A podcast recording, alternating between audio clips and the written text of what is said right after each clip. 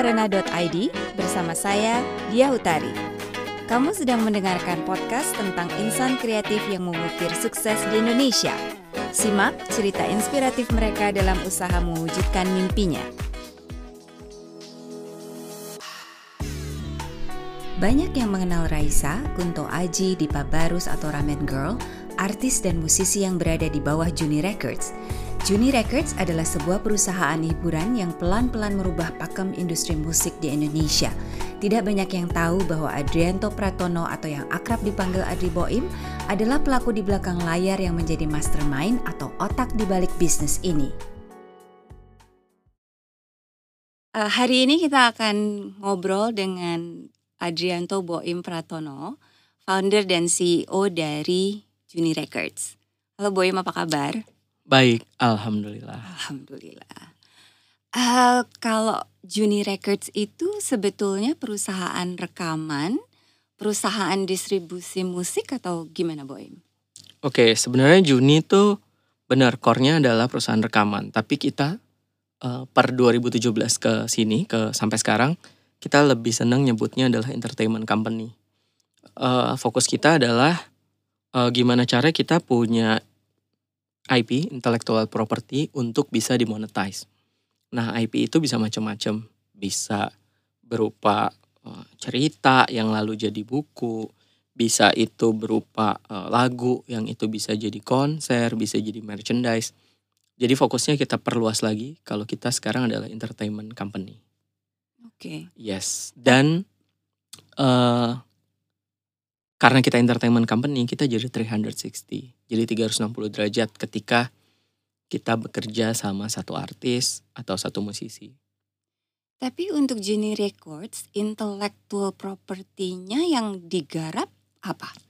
Oke, okay, uh, eh, ketika ngomongin musisi, dia bisa paling gampang dia bisa solo artis atau band. Uh, ketika solo artis ada dua sebenarnya uh, hak atau rights yang menyangkut di dia. Menempel di dirinya gitu. Satu dia sebagai human sebagai manusia. Yang kedua adalah dia sebagai brand. Ketika dia sebagai manusia dan sebagai brand itu sebenarnya uh, banyak karya yang bisa diciptakan. Misalnya uh, sebagai manusia dia bisa membuat lagu. Dia lagunya bisa kita edarin di uh, saya nyebutnya digital streaming platform itu adalah kanal-kanal untuk mengedarkan lagu sekarang ya YouTube, uh, Spotify, Deezer, Joox, uh, ada Reso, Apple Music. Uh, atau dia juga bisa mungkin kalau dia bisa menggambar, dia bisa menggambar dirinya lalu dijadiin merchandise. Si musisi ini. Si musisi ini. Okay. Sebagai brand, mungkin dia bisa kita tap in lagi menjadi produk. Let's say misalnya sebagai brand dia tuh bisa let's say namanya Kunto Aji. Si Kunto Aji ini bisa jadi sebuah brand uh, sleeping aid apa sih namanya uh, minyak untuk relaksasi. Uh, kenapa? Karena karena di lagunya itu ada judulnya rehat kayak gitu. Sebenarnya banyak hal yang bisa dilakukan. Kenapa kita menyebutnya sekarang lebih ke entertainment company? Setelah bikin uh, master rekaman, setelah bikin lagu jadi, ceritanya nggak selesai sampai di situ. Okay. Kita bisa bikin cerita-cerita kelanjutannya dari sana. Okay. Mungkin kita mulai dari rekamannya dulu kali ya. Hmm. Jadi uh, awalnya Juni itu adalah perusahaan rekaman. Hmm. Jadi prosesnya gimana? Bisnisnya apa yang dilakukan sebagai perusahaan rekaman? Oke, okay. uh, eh, jadi awal mulanya Juni itu hmm, kita mulai sadar butuh satu hmm, bisnis unit, satu bisnis unit uh, perusahaan rekaman itu di sekitar 2013. Di era itu uh, saya kerjaan utama saya menjadi manajer Raisa. Pekerjaan utama jadi manajer Raisa, tapi uh, sebagai manajer, hmm, selain ngurusin hari-harinya dia, kita juga harus punya proyeksi kira-kira apa sih yang mau dilakukan sama artis ini sampai dua tahun ke depan jangka pendeknya mungkin tiga tahun ke depan lima tahun ke depan 10 tahun ke depan? Saya coba ngobrol sama Raisa apa sih yang dia mau gitu kan? Apa cuman mau nyanyi aja atau mau coba investasi uh, berupa kita bikin perusahaan apa gitu? Hmm. sambil di era itu uh, untuk pertama kalinya Apple uh, lewat iTunes Store mulai buka uh, servisnya di Indonesia kita bisa akses ke ke websitenya mereka untuk beli lagu. Lalu muncul pertanyaan, gimana sih caranya lagu kita bisa sampai di sana? Bisa dipajang di raknya mereka, bisa dibeli sama orang Indonesia gitu pada waktu itu. Uh, sebenarnya berangkat dari simpel menjawab pertanyaan itu, hmm. menjawab dan rasa penasaran kita gimana caranya musik kita yang direkam di Tanah Abang di Jakarta bisa dipajang di website yang seluruh dunia bisa akses. Kita menjawab pertanyaan itu. Uh, kebetulan salah satu hmm, teman kita lagi uh, sekolah di Amerika. Sekolah di Amerika, dia running hmm, stadion uh, di DC, Washington DC. Hmm, core bisnisnya ya rental stadion, ya bikin event di sana. Saya banyak nanya sama dia, eh apa Ini sih yang bakal Indonesia. kejadian? Orang Indonesia, orang Indonesia. Sekarang jadi hmm, chief of uh, business di development Juni, di Juni. Yes. Okay. Nah, teman kita, dia waktu 2012 kalau nggak salah sekolah lalu lanjut kerja di Amerika, kita nanya, terus dia bilang, eh ada streaming nih, event kita nggak beli lagunya, kita cuma pinjam lagunya. Eh, nggak uh, tahu sih kapan masuk Indonesia gitu. Wah rasa penasarannya makin makin kan. Oh ternyata apa lagi nih gitu kan. Kita nggak perlu beli lagunya, tapi kita bisa dengerin lagunya gitu kan. Apalagi nih gitu. Mulai itu rasa penasarannya makin gede. Saya kasih proposal ke Raisa. Gimana? Uh, karena sebenarnya gini, awal-awal itu cita-citanya simpel banget sih. Cita-citanya cuman pengen beli baju di Topman sama Topshop tanpa mikir. Simple as that gitu. Kenapa? Karena ya memang ya pengen aja beli tanpa kita ibaratnya beli tanpa kita mikir karena itu hasil kerja keras kita yes. Tapi uh, saya sampai saya punya proposal saya bilang masa depannya kayaknya kayak gini nih. Kita harus menjawab rasa penasaran kita ini.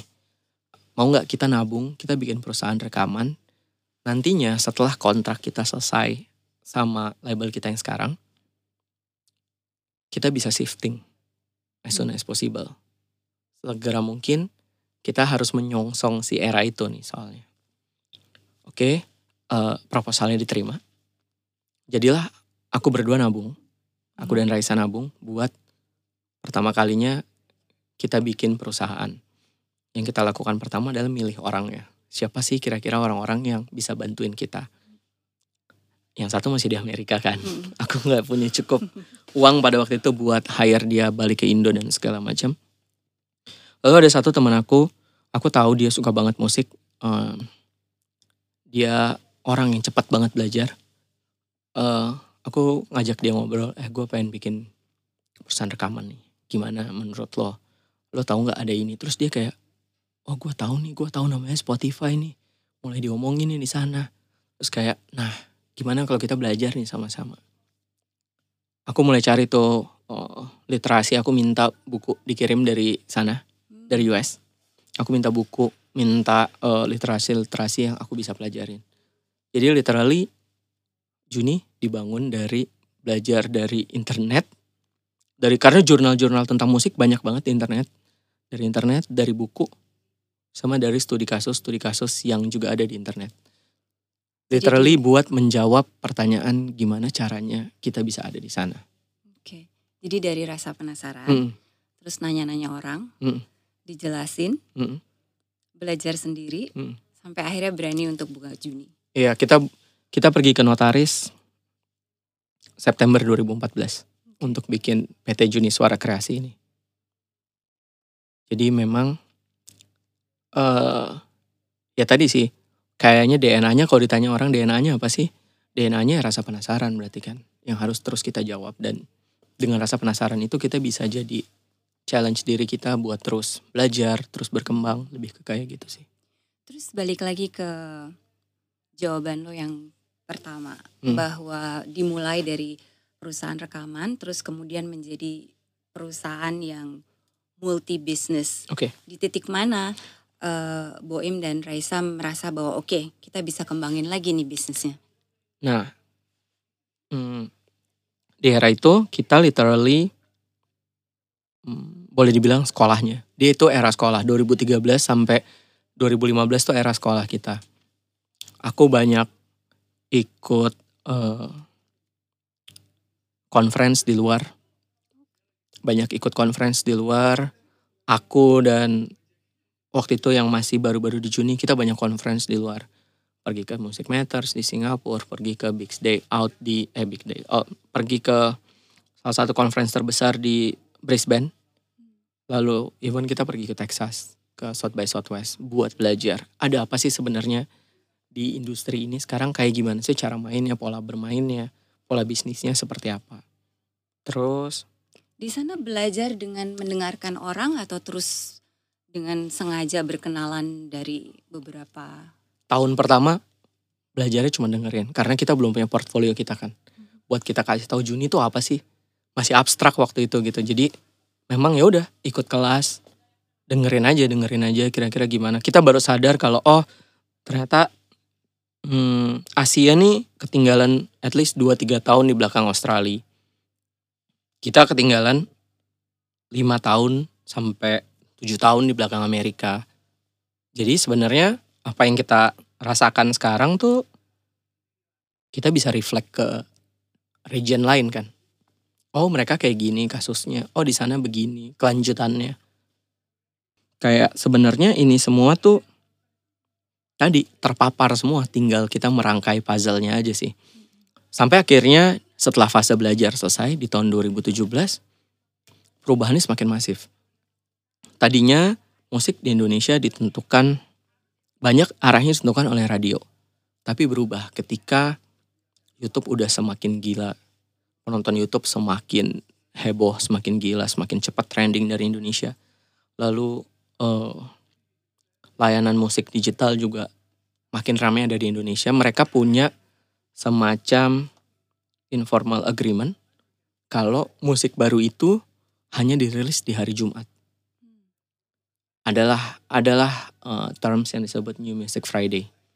Ini seluruh dunia. Seluruh dunia. Mengadaptasi. Yes, seluruh dunia. Jadilah kita semua berlomba-lomba dari 2017 itu hanya merilis di hari Jumat. Kalau lagi low season, bisa 30 lagu baru ada di hari Jumat. High season ya 75 sampai 100 lagu baru setiap hari Jumat. Lalu bedanya apa sih? Uh, mereka audience dan juga uh, digital streaming platform gak peduli soal udah berapa banyak lagu kita didengarkan. Kalau film mungkin, oh kalau uh, di opening weeknya ada satu juta penonton, tambah layarnya. Kurang dari satu juta, layarnya dikurangin. Tidak begitu dengan musik. Mau dapat seribu, dua ribu, sejuta, dua juta, mereka akan berganti lagu baru di hari Jumat kemudian. Pengetahuan ini terpapar pada saat belajar. Iya. Fase belajar kemarin mm, itu. Mm. Jadi sebenarnya pengetahuannya terpapar. Jadi kita memang di fase awal ya nyerap aja sih, menyerap semua yang terjadi gitu. Kita coba uh, coba apa ya? ya coba buka pikiran aja sih tentang gimana sih label di masa ini harus seperti apa.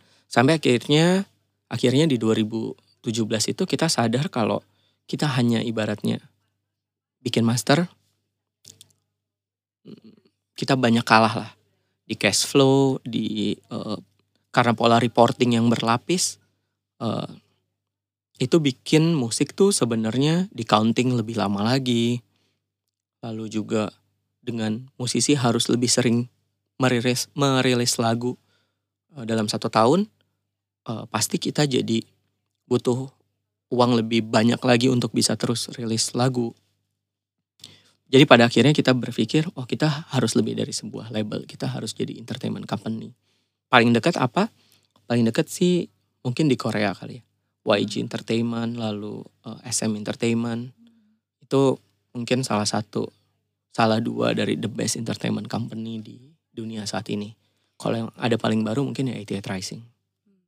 Jadi pada saat bilang kita harus menjadi perusahaan lebih dari sekedar perusahaan rekaman, langkah yang selanjutnya diambil itu apa waktu itu? Hmm, Bikin apa? skalanya kita perbesar. Eh, bagusnya adalah eh, kita lumayan pintar dalam memanage keuangan Juni. Eh, sampai saat ini kita masih self funding, masih dari uang saya dan uang Raisa yang kita eh, taruh di tahun 2014. Kita hmm, lumayan cermat dalam mengelola uang. Jadi saat 2017 itu kita lumayan punya uang buat kita mulai spending di SDM. Jadi Sumber dari di sumber daya manusianya benar. Dari tadinya Juni cuma di running sama 8 orang, kita kali dua. Jadi harapannya dengan kapasitinya lebih, kapasiti produksinya lebih besar, output produksinya juga akan lebih besar. Oke. Jadi itu yang pertama diambil. Iya, karena mau nggak mau harus melakukan itu kalau mau berperang sama industrinya gitu. Ya, eh, keberuntungan lainnya sih hmm, adalah kita lumayan apa ya? Di tahun 2016 itu kita lumayan dapat spotlight. Eh, mungkin kita breakthrough dengan menyapu 11 piala anugerah musik Indonesia Hmm. dari dua artis. 2016 itu sebenarnya apa ya titik titik Juni hmm, dapat spotlight paling besar. Hmm. Kita dapat 9 piala anugerah musik Indonesia, eh, 7 dari Raisa, 2 dari Barasuara kalau saya nggak salah. Jadi itu kayak semacam titik balik Iya, di mana orang mulai memperhitungkan Juni Records. Benar. Dan, Dan- dari situ kemudian dengan modal yang ditambah, yang ditabung, Hmm. ditambah timnya berkembang, kemudian Juni melebarkan Melebar. sayap. benar. Jadi kita juga pada waktu itu malah belum join sama Asosiasi Rekaman Indonesia. Jadi ada anggota di luar asosiasi tiba-tiba bisa bawa pulang piala dan kita isinya masih ya ibaratnya anak baru. Labelnya baru dibuka kurang dari tiga tahun. Ya dari situ ibaratnya adalah percepatannya kita. Oke. Dapat spotlight, kita bisa punya eh, kemampuan untuk nambah skala produksi. Kita mulai pede setelah era itu kita ambil Kunto Aji, ada Dipa Baru sempat di kita, ada Ramen Girl. Itu era era kita naikin skala produksi kita. Kedengarannya jadi kayak ngebut ya selama lima Benar, tahun benar. belakangan Mm-mm. ini. Pernah ngerasa capek nggak? Terus pengen udah ah gitu. Di masa-masa kayak apa misalnya? Jujur iya sih. Kenapa? Karena eh oke, kalau ngerasa capek iya pernah banget. Kenapa? Karena perubahan itu datang bertubi-tubi. Dari tadinya kita nggak punya pola nih. Tahun 2017, seingat aku Juni cuma ngerilis dua lagu dalam waktu satu tahun. Cuma Raisa Isyana, lalu Kunto Aji konon katanya. Lalu semua shifting. 2018 kalau aku nggak salah lebih dari 20 lagu aku rilis. 2019 mungkin turun tapi enggak, maksudnya enggak 20 lagu tapi mungkin turun sedikit 20 persennya. Jadi kebayang belum ada polanya sekarang. Super belum ada polanya Sampai hari ini. sampai hari ini. Oke. Tadi eh, tiga tahun yang lalu semua berlomba hari Jumat. Sekarang aku udah nggak percaya ngerilis musik hari Jumat itu works buat Juni. Dengan dengan era pasar bebas sekarang, apalagi di musik, aku harus langsung melawan Justin Bieber, melawan Taylor Swift, melawan Kanye West Di hari yang sama. di hari yang sama. Buat Juni saat ini perangnya terlalu eh, berat lah buat kita. Jadi ya tadi dari hari Jumat, even dua tahun lalu, dua tahun lalu aku masih percaya hari Jumat harus merilis lagu. Aku sekarang hari Selasa berani, Rabu berani, Kamis berani karena ya tadi mungkin tadi karena industrinya berubahnya secepat itu, jadi belum ada pola yang pola dan formulanya. Tapi menurut aku namanya juga industri kreatif ya. Kalau industri kreatif tuh memang kitanya harus cair. Kalau kecuali aku bikinnya agar-agar gitu yang ada polanya gitu kan. Ini kan enggak gitu kan. Atau jelly atau puding gitu yang ada polanya, ada formulanya. Tapi memang ya udah kita nikmatin aja semua perubahan ini kita nikmatin aja.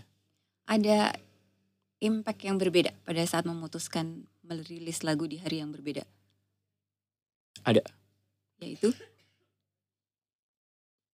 Hmm, at least gini sih, kayak misalnya uh, di Februari tahun ini, di tanggal 14 Februari itu ada Justin Bieber rilis album, hmm.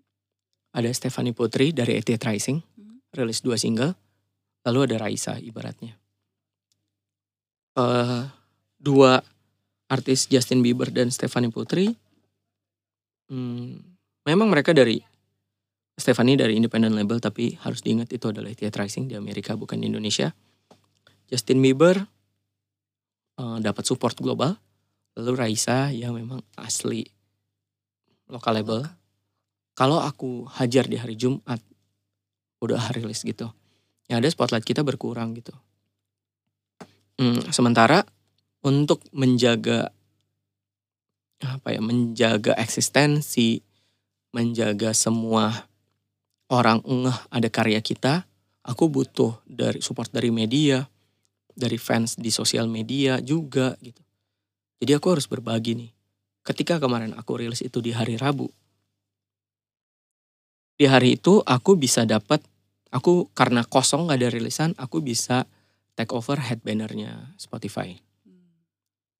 Uh, media, aku bisa dapat spotlightnya at least di hari itu orang konsen sama rilisan aku. Beda kalau aku taruh di hari Jumat. Even di Jumat kemarin itu yang menang bukan Justin Bieber. Yang menang adalah Monsta X. Yang out of nowhere tiba-tiba dia yang bisa take over. Justin Bieber mundur ke weekend Sabtu dan Minggu. Iya, jadi dipaksa untuk Iya. Launch jadi di... memang memang apa ya? Literally pasar bebas tuh berasa banget di industri musik. Apalagi kalau ngomongin sebagai label rekaman ya. Okay. Uh, dengan kita yang lokal ya kita harus punya senjata yang memang bisa menarik kepercayaan dari digital streaming platform sebagai store kita saat ini mau naikin poster-poster iklan kita. Lebih ke kayak gitu sih. Oke, okay. mungkin kita balik sedikit sebentar. Uh, Gimana sih caranya Juni Records itu memilih satu musisi, memoles musisi itu menjadi sebuah brand yang siap dipasarkan? Nah, uh, jadi begini sebenarnya kalau di kita mengadaptasi apa yang dilakukan di Amerika. Label seperti Juni itu tugasnya memang adalah label uh, development yang kita develop adalah talent dalam pengertian musisi. Uh, sisanya adalah urusan um, label yang lebih besar untuk mendistribusikannya secara global. Jadi sebenarnya itu kita adaptasi secara scope uh, untuk scope Indonesia okay. dalam pengertian gini. Untuk saat ini saya nggak mungkin untuk merekrut artis tanpa mereka punya hmm, tim di belakangnya. Okay. Karena kapasitas kita masih dalam kapasitas independent label yang mungkin dalam waktu satu tahun maksimum cuma bisa punya tujuh artis. Okay. Saya butuh konsep kolaborasi. Jadi nggak bisa terima beres. Jadi harus konsepnya kolaborasi. Saya punya sumber daya apa, mereka punya sumber daya apa, kita kolab di kolab di sana. Tapi prosesnya Boim yang melamar mereka atau mereka yang melamar ke Juni Records? Apa pun bisa. Apa pun bisa, kita terbuka sama itu. Tapi saya dibantu sama teman-teman namanya tim artis and repertoire. Mereka artis and repertoire? Mereka adalah teman-teman yang uh, kupingnya boleh dibilang mewakili kupingnya Juni sebagai perusahaan. Okay. Tapi juga kuping uh, teman-teman kebanyakan sebagai penikmat musik di Indonesia mereka adalah uh, tim yang kerjanya dengerin lagu, kerjanya dengerin lagu, okay. ya kerjanya dengerin lagu lalu kasih saya, eh ini kayaknya bagus deh mas, uh, buat didengerin gitu. Itu kerjanya mereka. Kalau kita udah sign artis, let's say misalnya Koldiak. Koldiak adalah hmm, band dari Malang. Sebelumnya mereka punya sudah punya dua dua album, full album. Uh, mereka waktu itu datang ke saya kurang lebih tahun 2018 cerita. Mas, saya dari Malang, saya udah punya dua lagu, dua sorry dua album, tapi kok impactnya belum segitunya. Lalu saya tanya, hmm, apa yang kalian rasakan gitu? Maksudnya apa yang kalian rasain? Kenapa kalian merasa perlu datang ke Juni gitu kan? Mereka ngerasain mentok. Mereka ngerasa oh kita udah mentok mas di Malang. Mungkin secara skala produksi harus di upgrade, pindah ke produksi di Jakarta. Mungkin secara penulisan lirik dan lagu materi juga perlu tambahan ekstra tim. Jadi kita collab dari mereka yang ada talentnya, mereka bisa bikin lagu. Kita coba poles dengan tim yang kita punya di Jakarta. Hmm, saya sisi ibaratnya sisi anak Malangnya tetap kita pertahanin. Hmm, karena gini, saya percaya Indonesia adalah negara kepulauan. Gak mungkin itu semua hanya berpusat di Jakarta. Uh, Malang juga kota yang banyak universitasnya. Mereka harusnya punya kesempatan juga uh, multicultural di sana. Dan apa bedanya sekarang show ke Bali dari Malang dan dari Jakarta sama-sama naik pesawat. Jadi menurut saya harusnya kesempatannya sama. Tapi yang bikin beda adalah mungkin spotlight dari medianya, uh, ketemu key personnya. Kita ada di Jakarta gitu. Nah, kita coba kolaborasi sama mereka gimana caranya mereka bisa kita bantu untuk lebih dapat spotlightnya. At least mereka dapat kepercayaan dari pelaku industri di Jakarta. Iya, dan uh, mungkin teknologi rekaman juga beda di Jakarta sama di sana. Lalu bertemu produser, uh, impactnya beda gitu di sini dan di sana. Jadi yang sebenarnya pengen saya lakukan sih lebih ke apa ya pemerataan kali ya. Konsepnya Hmm. lebih pemerataan skill, pemerataan cara berpikir. Biar supaya apa? Biar supaya mereka juga bahan ini bisa mereka bawa ke Malang, mereka mempengaruhi ekosistem musik di sana. Sebenarnya itu sih. Gimana caranya? Oh, ternyata bikin lagu tuh formulanya kayak gini ya. Nggak bisa dibilang formula, tapi maksudnya yang lagi berjalan tuh kayak gini. Misalnya verse, verse, hook, lalu balik lagi ke verse gitu. Um, Langsung straight to the point gitu, bikin lagu. Nggak lagi yang cerita panjang. Ya, ya makanya kesempatannya sih sebenarnya yang dibuka. Yang aku buka adalah kesempatan buat kolaborasinya. Tapi memang sayangnya aku belum bisa eh, bekerja sama sama artis yang belum ada timnya. Karena tadi kapasitas aku belum sebesar kapasitas label besar lainnya mungkin ya. Terus apakah ada niatan memang untuk fokus mencari talent dari luar Jakarta? Iya dan enggak sih. Karena menurut aku itu satu hal yang nggak bisa dipaksain. Tapi jujur ada beberapa nama dari luar kota yang terus aku pantau. Aku dan tim pantau. Eh harapannya sih kita bisa kasih kesempatan lebih besar lagi sama talent di luar Jakarta sih. Kenapa? Karena ya tadi eh, Indonesia negara kepulauan pun brand sebagai partner hmm, dalam bikin konser, dalam bikin festival, mereka juga punya kantong-kantong ekonomi sendiri di daerah-daerah. Jadi kansnya besar banget buat kita bisa berkembang dari daerah lalu jadi nationwide gitu. Menurut aku, aku percaya sama hal itu gitu.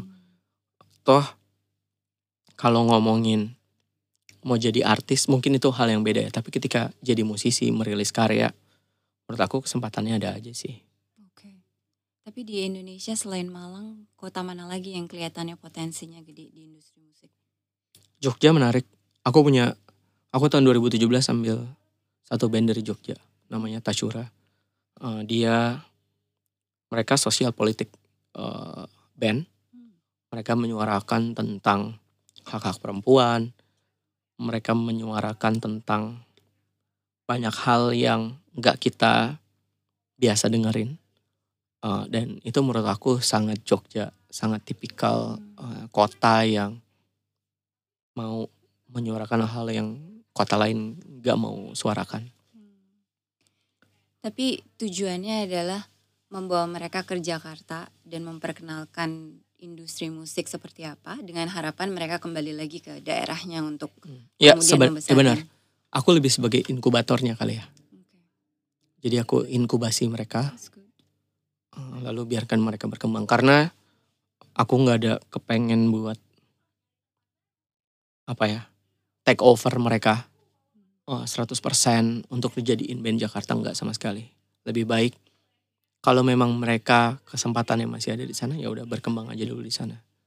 Uh, selesai ngomong soal Indonesia, coba sekarang kita pindah ke Amerika. Pada saat uh, kamu memperkenalkan diri dengan rekan-rekan bisnis di Amerika di luar Indonesia, biasanya memperkenalkan diri dengan nama Boim atau Adrianto? harus nama asli.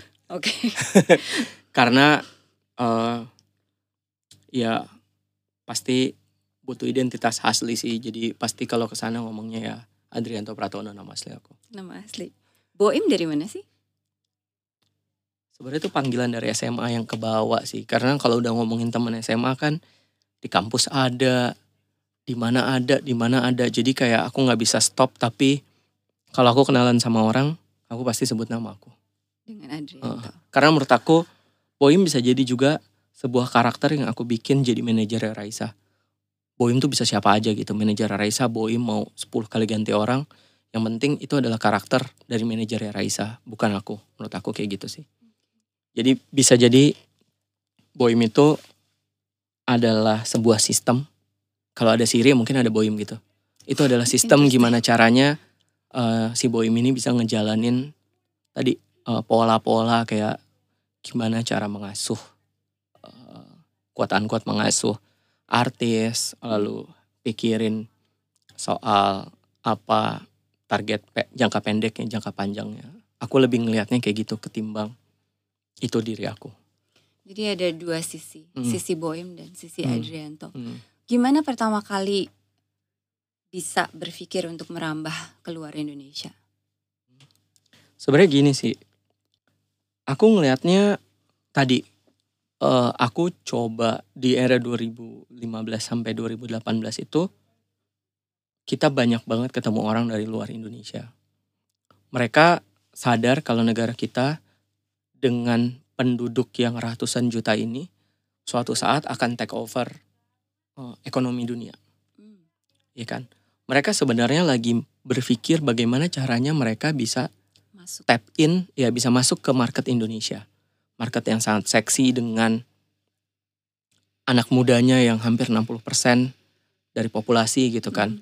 Hmm. Uh, bayangkan 20 tahun dari sekarang ketika geliat ekonominya lebih meriah lagi, uh, entrepreneur-entrepreneur muda ini lebih punya ruang buat berkembang. Hmm, ini bakal gila banget. Even menurut aku salah satu yang bikin aku pede adalah kita melewati masa kredit card. Kita langsung beralih ke mobile payment gateway. Gak ada kredit card di Indonesia gitu. Kredit card hanya punya 2% orang Indonesia gitu. Tapi tiba -tiba. sekarang tiba-tiba semua orang bisa bayar pakai handphone. Tiba-tiba kita adaptasi entah pola dari mana tiba-tiba kita jadi digital savvy. Semua orang amazed sama itu. Nah, di era itu jujur aku belum kenal siapa-siapa. Aku di sana dari literally knocking every single studio. Ngetok ngetok pintu. Ngetok pintu studio-studio di sana. Yang aku lakukan adalah tadi aku bikin fondasinya dulu di Indonesia. Uh, aku punya ini loh data aku di Indonesia. Aku punya aku pernah bikin konser, aku pernah bikin retail merchandise, aku pernah ngerilis artis dengan berbagai genre. Aku bawa uh, data itu. Portfolio. Iya portfolio aku. Aku baru berani ngetokin mereka. Sebelumnya ya yang kita lakukan cuman ngelihat aja oh ngelihat ada tim ANR-nya Domino Recording gitu ada tim ANR-nya Republic Records ada tim ANR-nya uh, Sapop aku cuma lihat aja tapi begitu aku punya portfolionya aku literally coba begging mereka buat ketemu email mereka.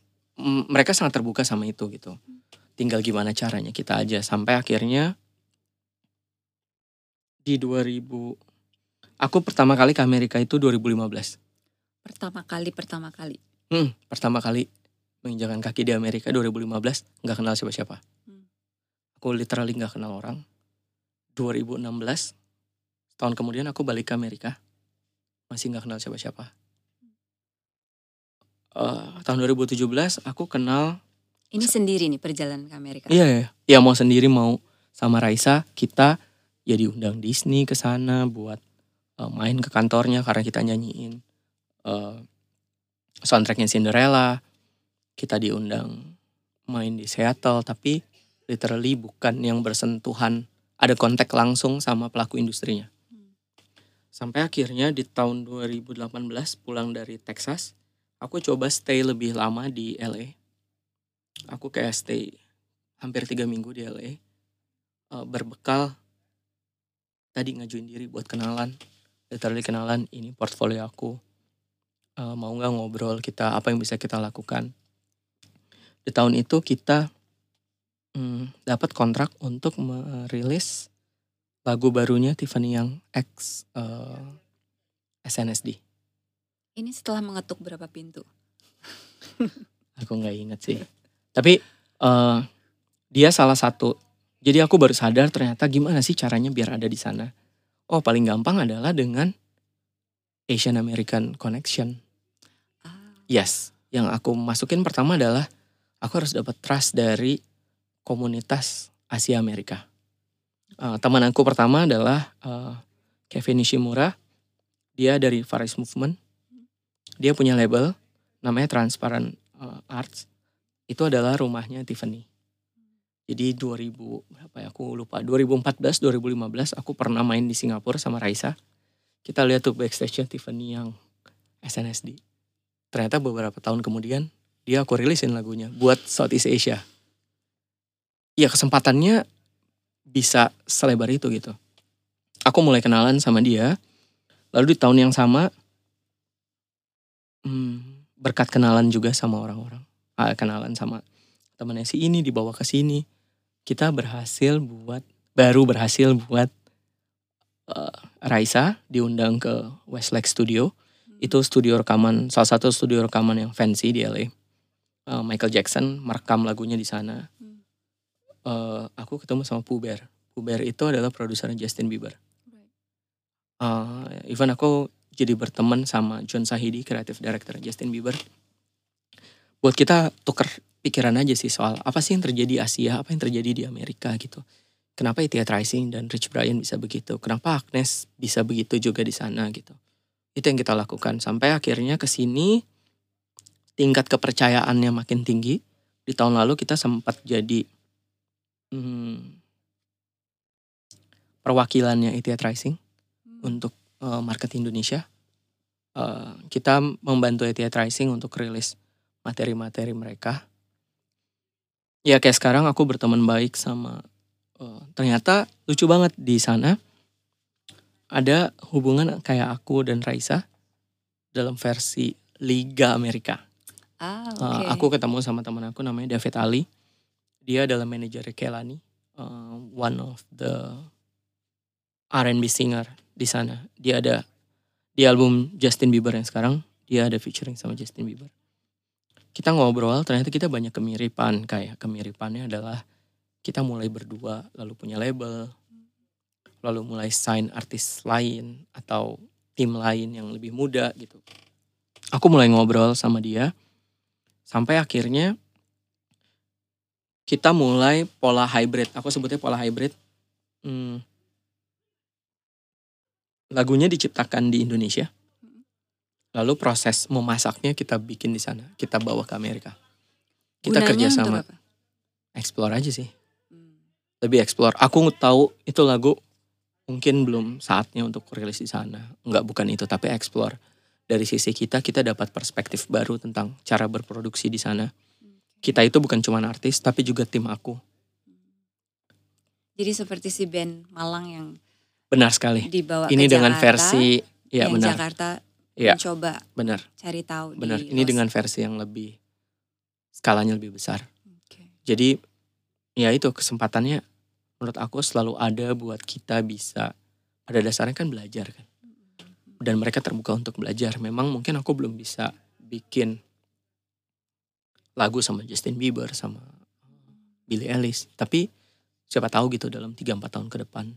Karena kenapa? Karena ya mereka semua tuh mau banget buat tap in sama market Indonesia. Bukan gak mungkin Justin Bieber punya rilisan khusus buat Indonesia di kemudian hari gitu atau siapa. Jadi kesempatan itu masih sangat terbuka dan aku ngelihatnya Indonesia mungkin bisa jadi kayak the next China untuk untuk urusan ini. Iya. Bisa dibilang proses belajar itu kayak bagian yang paling penting di Juni Records ya. Hmm. Sampai hari ini nggak pernah selesai. Iya belum pernah selesai. Kita belum kita masih terus belajar sih. Karena tadi industri juga terus berubah-ubah. Ibaratnya kalau kita berlayar nih anginnya nggak tahu datangnya dari mana. Kita bisa ikut angin, kita bisa ngelawan anginnya.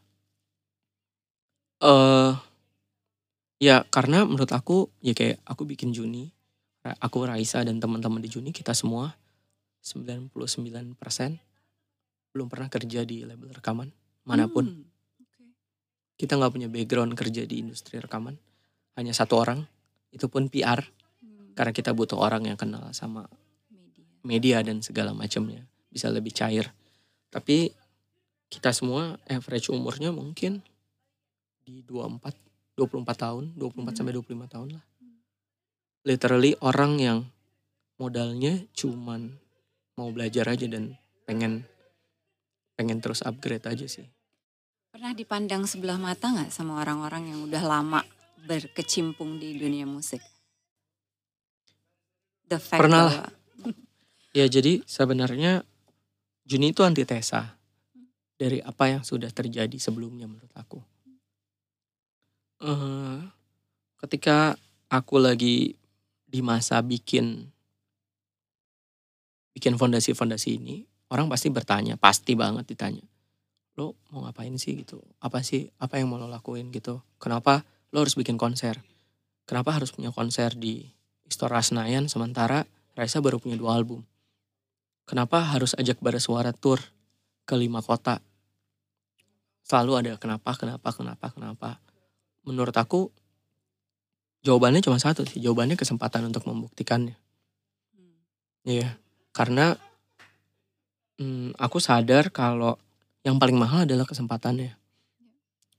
Eh, itu dia, aku buka Juni selebar-lebarnya buat tadi buat talent-talent yang memang pengen berkembang dan punya rasa penasaran dan rasa belajar yang banyak banget gitu. Karena malah yang aku pengen patahin adalah stigma kalau wah label tuh harus begini.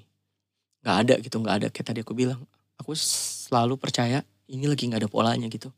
Ini di saat Hmm. yang tepat kita buat adopsi adaptasi sebanyak-banyaknya ide. Hmm, Cuman balik lagi aku bilang harus cermat ketika mau melakukan sesuatu gitu, nggak juga jadi ceroboh. Karena di saat ini malah tadi uang bisa gampang kita cari, tapi bisa juga kehilangan dengan cepatnya gitu kalau projection kita salah. Tapi ya pasti banget orang pasti nanya siapa sih Boim siapa gitu. Eh, Denny siapa, Irvin siapa. Semua yang di kita tuh siapa, enggak nobody. Kita semua tuh bukan siapa-siapa gitu. Tapi kita kasih bukti kalau yang bukan siapa-siapa ini kalau dikasih ruangan, dikasih kanvas ya pasti bisa jadi sesuatu juga gitu. Siapa yang support? Siapa yang mendukung? Atau apa yang mendukung sampai kamu punya karakter yang sangat percaya diri seperti sekarang? mungkin satu-satunya yang seru dalam pengertian yang yang orang lain gak punya adalah lab kita namanya Raisa. Lab kita namanya Raisa gitu. Eh, fondasi ini sebenarnya udah aku buat dari aku mulai Raisa literally berdua sama Raisa. Hmm. Literally yang aku memang nemenin Raisa day by day-nya. Even nyetir kita berdua pergi promo apa berdua.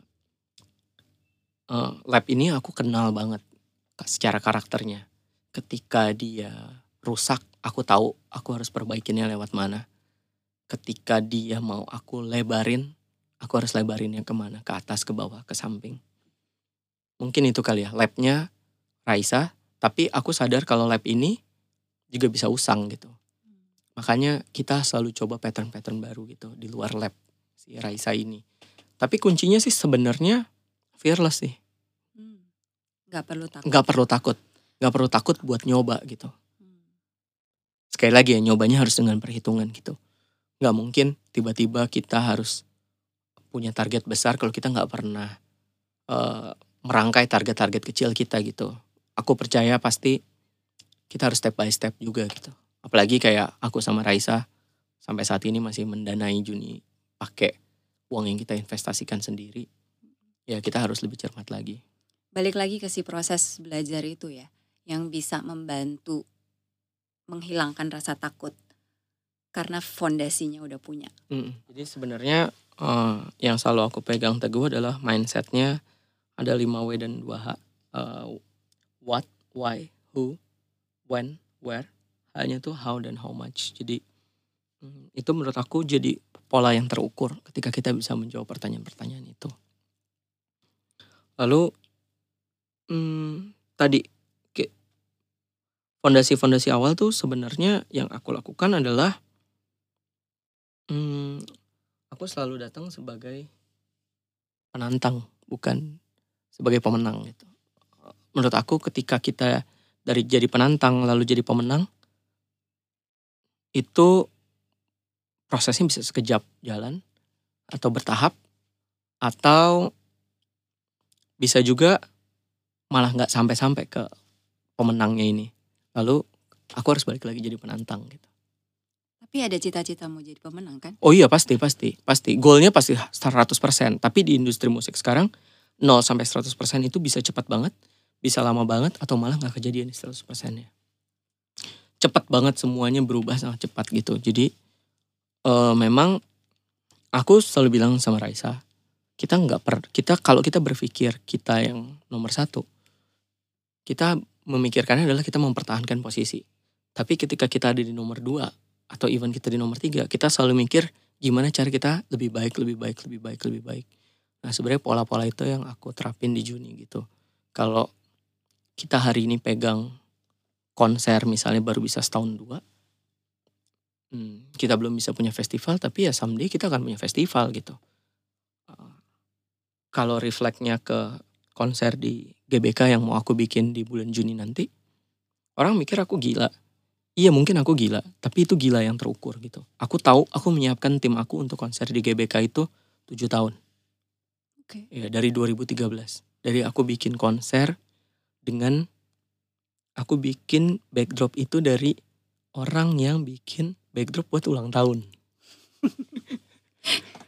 Jadi ya coba aja gitu. Coba dengan tapi di tahun 2013 itu kita udah bikin aku mungkin bisa klaim itu sebagai konser pertama yang di streaming ke YouTube. Aku udah pakai YouTube sebagai medium untuk orang bisa nontonnya lebih luas lagi selain di ruangan konser itu.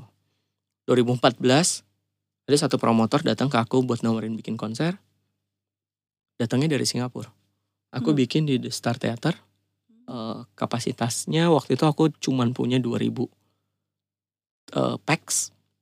Hmm, bukan sold out konser, cuman 1000 tiket kalau aku nggak salah setengahnya. Tapi at least aku bisa bawa produksi ke Singapura dengan seperti yang aku mau gitu. Kita masih bawa eh, ngeprint kayak bendera gede, belum pakai LED, belum pakai apa, kita pasang di belakangnya. Nah, director yang akan kerjain broadcastnya konser ini, itu adalah konser pertamanya di Singapura itu. Dia datang, aku bawa cuman sendiri dan dua kamera, tangan kanan wide, tangan kiri zoom. Jadi tim aku udah berlatih dari era itu. Tahun 2014 itu 2015 konser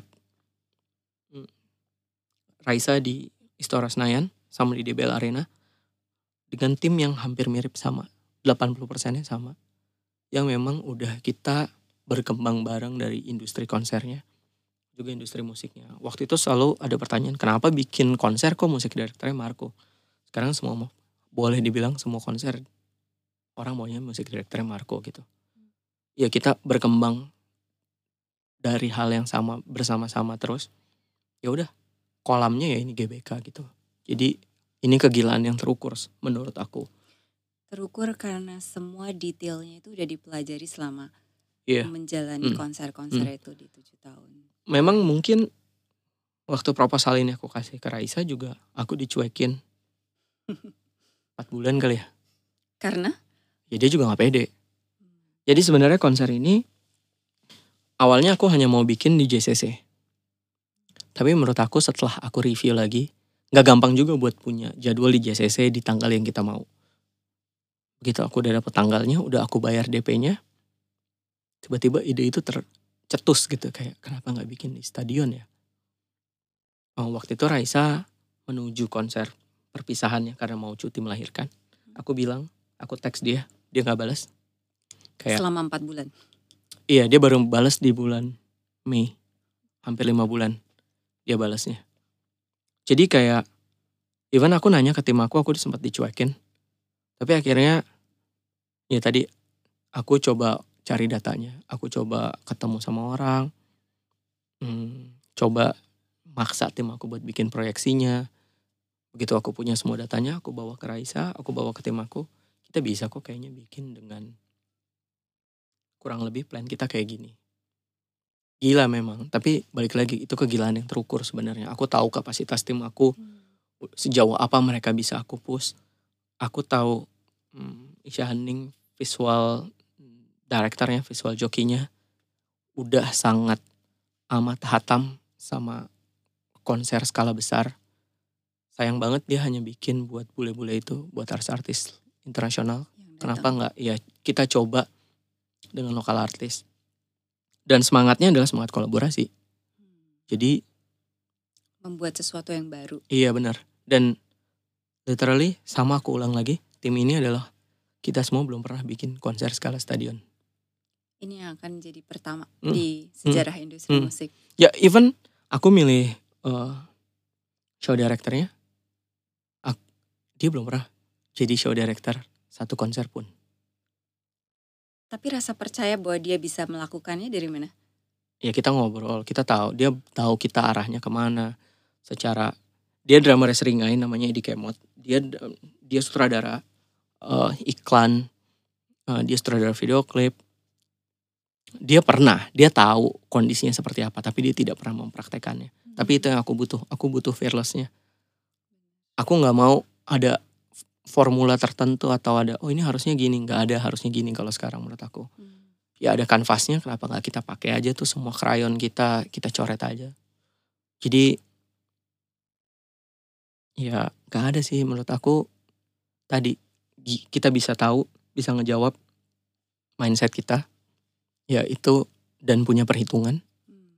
beruntung aku punya tim yang bisa ngitungin buat aku dengan ide-ide aku gitu kayak sejujurnya aku kalau kalau tiket konser ini aku bilang gini sama tim bisnis development aku kalau kalian bisa hitung konser ini harga tiketnya di angka di depannya angka satu seratus ribu seratus ribuan aku mau jalanin karena menurut aku aku bisa cater dari aku bisa grab Banyak. market dari yang ibaratnya liburannya ke Bandung sampai liburannya ke Amerika. Dan experience buat datang ke stadion nonton konser apalagi konser lokal sebenarnya experience yang sangat sedikit didapetin. Hmm. jadi ya itu based on data based on eh, proyeksi dan tadi sih emang fondasinya udah kita buat dari 2013 sih. keberuntungan kebetulan dan kerja keras. Kira-kira kunci suksesnya Boim kerja keras sih.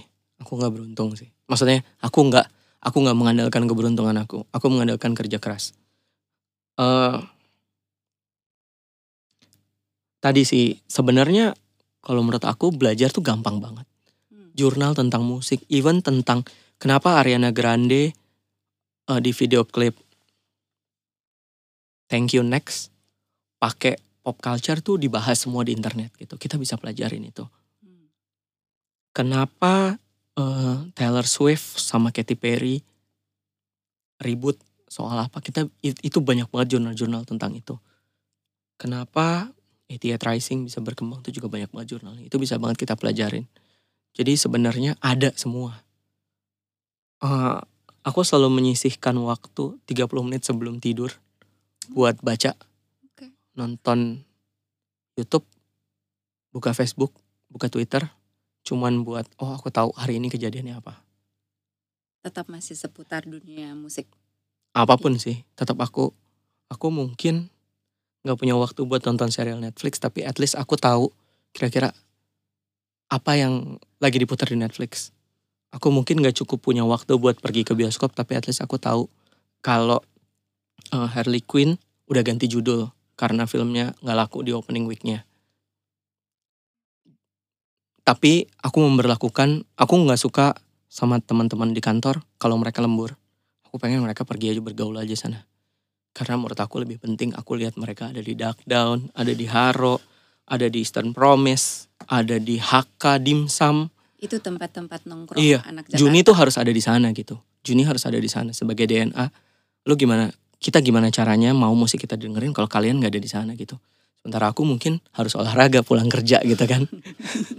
Tapi mereka yang lebih muda itu saatnya mereka harus pergi keluar Juni eh, buat bergaul, buat ke M Block, buat semuanya. Kenapa? Karena ya Juni itu ya adanya di mereka-mereka ini, anak-anak muda ini gitu. Dan gimana cara mereka bisa tahu tren apa yang akan kejadian, apa yang disukain dan tidak kalau mereka nggak ada di sana, mereka hanya ngabisin waktu di kantor. Dan terakhir, eh, menurut Boim lima tahun ke depan industri apa yang dibutuhkan oleh industri musik di Indonesia? Banyak banget eh, banyak banget eh, pekerja yang banyak banget eh, industri musik di Indonesia tuh banyak banget butuh pekerja. Dalam pengertian bukan artis, bukan orang yang mau di depan layar, tapi di belakang layar gitu. Hmm, kita bunyu, butuh banyak, kita butuh banyak banget anak muda buat mengerjakan musik marketing, eh, marketing pitching, promotion, memilah-milih artis, hmm, konten strategi, eh, PR, banyak banget slot yang masih kosong sebenarnya. Hmm, tadi aku nggak mau mengulang lagi era kalau oh lu nggak tahu apa-apa tentang musik, kalian nggak tahu apa-apa gitu, nggak bisa. Sekarang informasinya semakin terbuka. Eh, Juni ini cita-cita aku jadi legacy aku dan Raisa. Ke depannya adalah kita bisa jadi playground buat anak-anak muda buat eh, belajar di Juni, buat berkarya di Juni gitu. Kenapa? Karena lima tahun lagi bisa jadi hmm, independent label dari Amerika mungkin udah buka cabang di Indonesia gitu. Sebelum itu terjadi, Iya sebelum itu terjadi kita harus punya SDM yang segitu banyak. Bisa jadi ini the next oil company.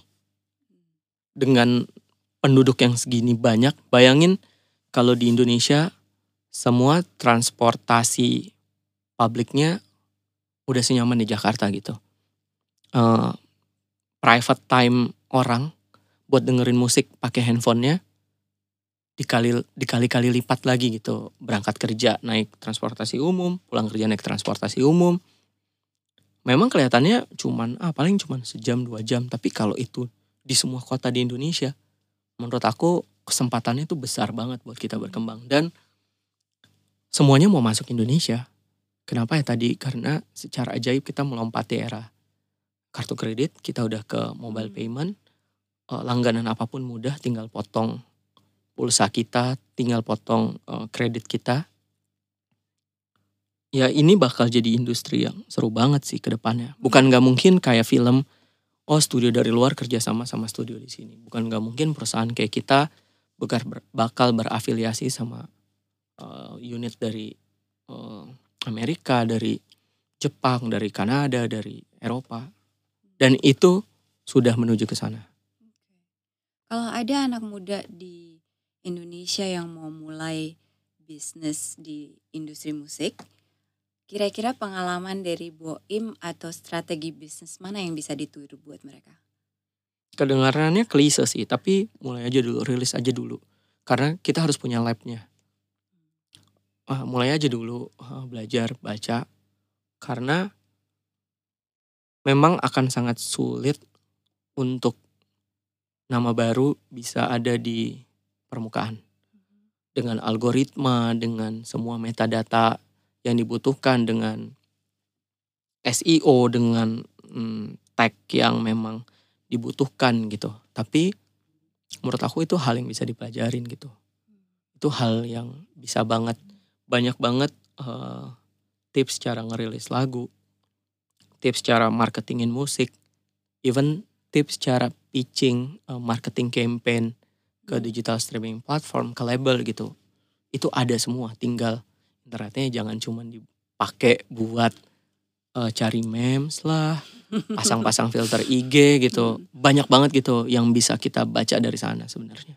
Kamu termasuk orang yang serius ya? Aku sangat serius. aku nggak punya filter.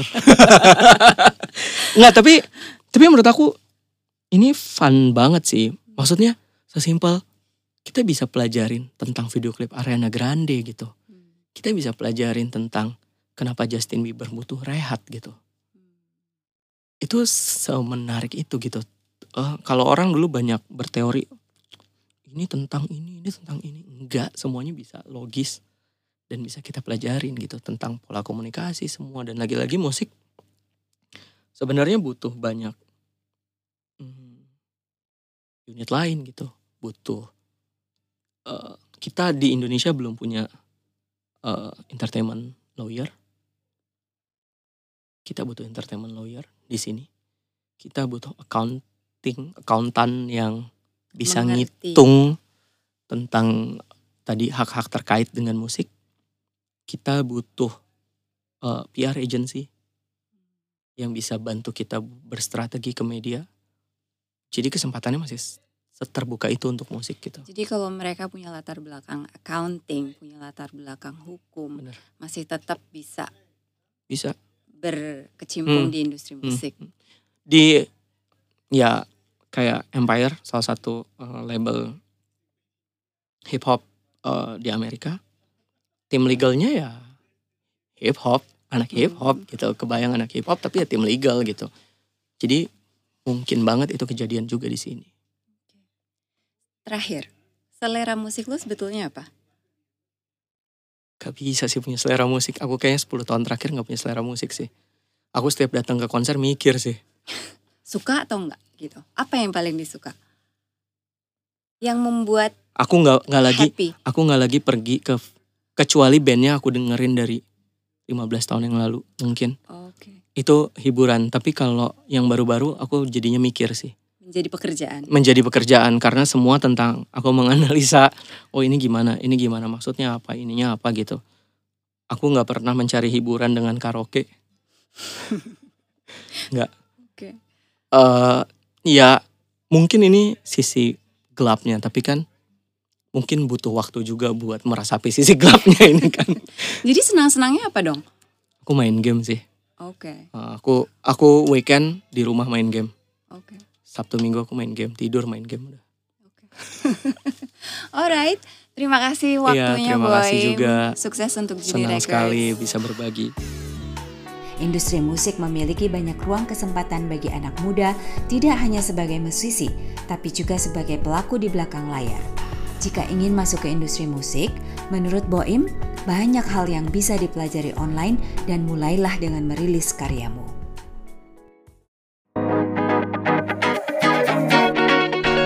Terima kasih sudah mendengarkan cerita dari pelaku industri kreatif kita.